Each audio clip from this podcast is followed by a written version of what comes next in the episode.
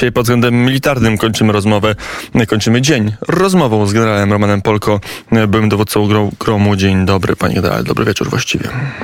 Dobry wieczór. No to podsumujmy kolejny 11 dzień walk na Ukrainie. Linie frontu się nie zmieniają. Wydaje się, że e, ta wojna potrwa tygodnie, a może i miesiące. Otóż e, no przede wszystkim warto zauważyć, że z takiego początkowego działania na obiekty wojskowe Y, gdzie Rosjanie przeprowadzili taki szybki rajd, czyli na to, że udaje się panować y, chociażby Kijów. No, ten plan spalił na panewce. Wyszły wszystkie niedostatki tej niezwyciężonej rosyjskiej armii, która no, jest silna masą, a nie inteligencją i, i, i nie y, sprytem i nie motywacją. Morale żadne, szczerze mówiąc.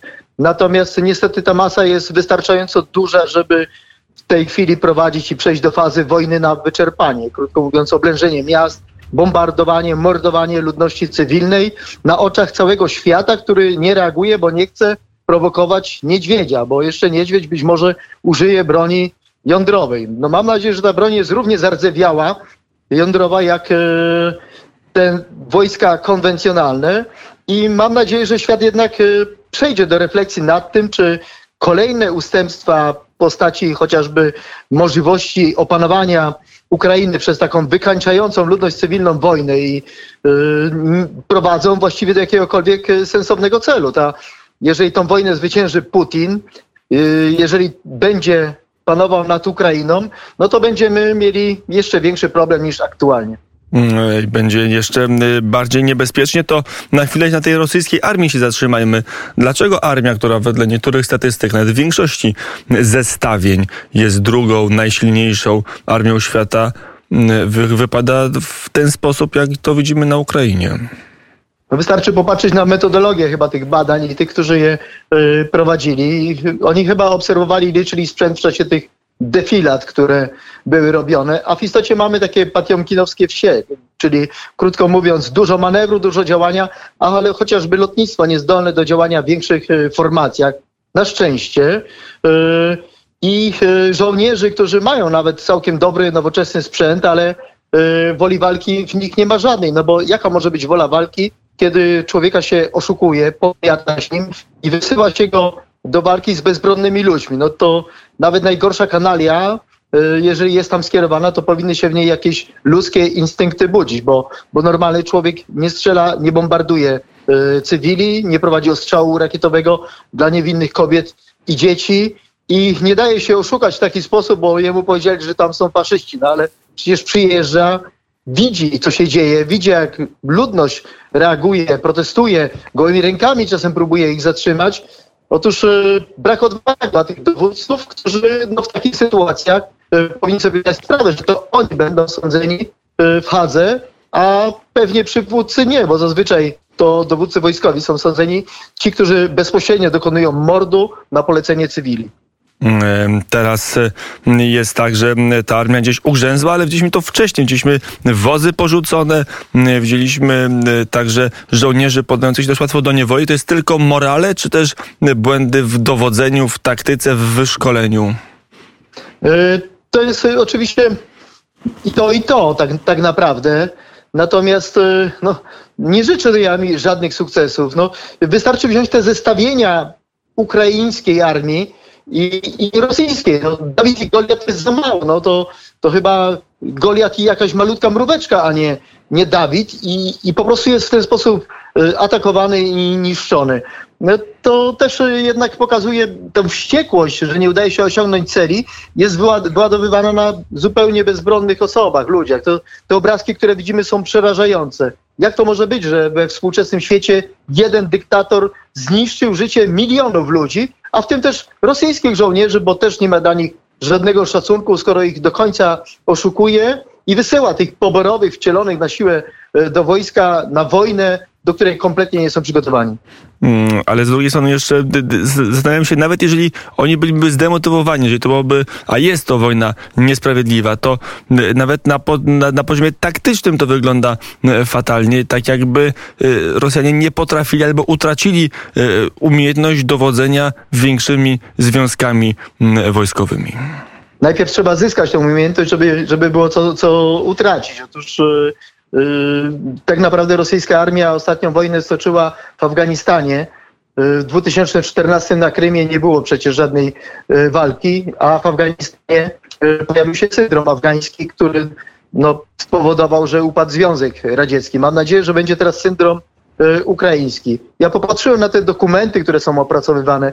No przecież to jest siermiężne działanie z minionej epoki. Te, te, te szkice malowane, tam nie ma nowoczesnego systemu dowodzenia, który podwładnym daje inicjatywę, e, którym podwładnym przedstawia cel końcowy, misję do osiągnięcia i pozwala im e, oczywiście plany działania zmieniać e, w trakcie realizacji konkretnych misji. Bo tak jak mówił Helmut von Moltke, no, żaden plan nie przetrwa pierwszego starcia z wrogiem, no ale Rosjanie twardo mieli namalowane na tych mapach, że prikaz z Kremla i realizują te plany, które co prawda nie udało się zrealizować w tym błyskawicznym rajdzie, ale dalej przemyw dokładnie w tą samą stronę.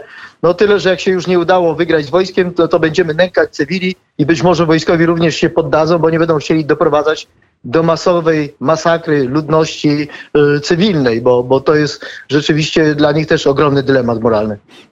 Jak się zachować? A y, wojska ukraińskie, na ile to jest tak, że y, to pokazuje jednak to starcie wyższość taktyki, wyszkolenia i, i, i filozofii wojennej natowskiej nad rosyjską?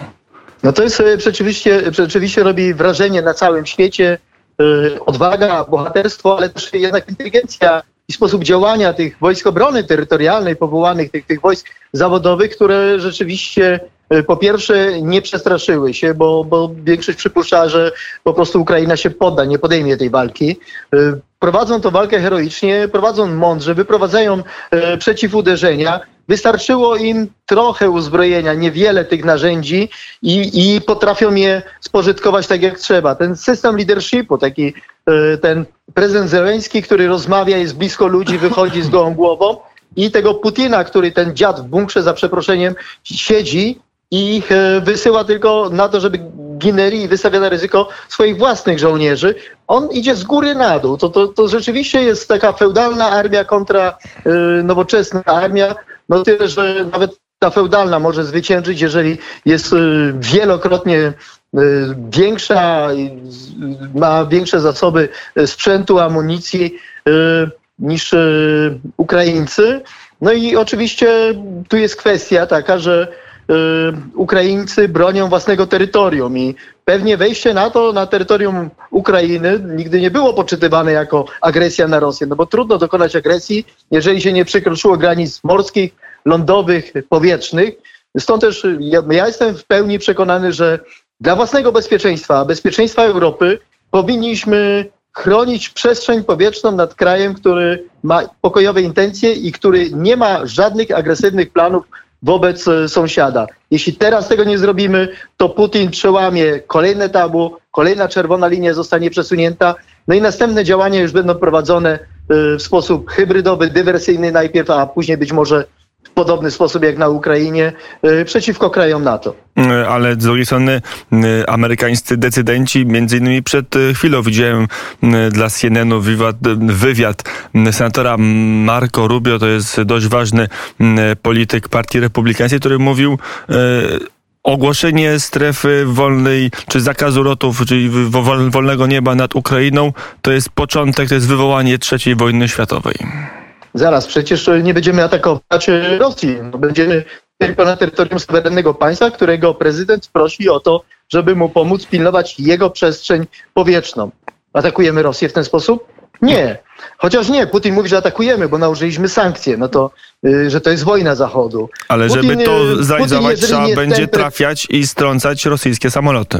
I bardzo dobrze. Putin zawsze sobie znajdzie jakiś pretekst, żeby wywołać wojnę z Zachodem. Czy my mamy jeszcze jakieś złudzenia, że jak Putin przełknie Ukrainę, to zostawi świat w spokoju i będziemy żyć w atmosferze radości i szczęśliwości? Czy świat i ten, który mówi te słowa, że przecież nie będziemy atakować rosyjskich samolotów, które bombardują y, ludność cywilną na Ukrainie, daje sobie sprawę, co mówi? I on mówi, że w porządku, niech sobie Rosjanie mordują cywilną ludność, niech ten prezydent Zełenski, z którym mamy dobre kontakty, zginie w tej walce bohatersko, może postawimy mu pomnik gdzieś tam y, w jakimś miejscu, no bo tak naprawdę y, powiedzenie nie, nie pomożemy wam, y, zostawimy was samych, gincie sobie, żebyśmy tylko mieli tańszą, tańszą energię i ropę i, i żebyśmy sobie jakoś poukładali te relacje międzynarodowe, no to jest okłamywanie samych siebie i to jest krótkowzroczne patrzenie, bo tyran będzie dalej rósł. To dokładnie ten sam sposób myślenia doprowadził do obecnej sytuacji. Tak myślano po ataku na Gruzję, tak myślano po ataku na Ukrainę, e, tak myśleli Niemcy i Francja, kiedy w 2008 roku odmawiali e, Ukrainie e, planu działania na rzecz wstąpienia do sojuszu NATO. I teraz m, nie może być m, podobnie, trzeba Putina m, zatrzymać. Generał Roman Polko, były dowódca gromu, był gościem Radia Wnet. Dziękuję bardzo za rozmowę. Dziękuję. Do usłyszenia.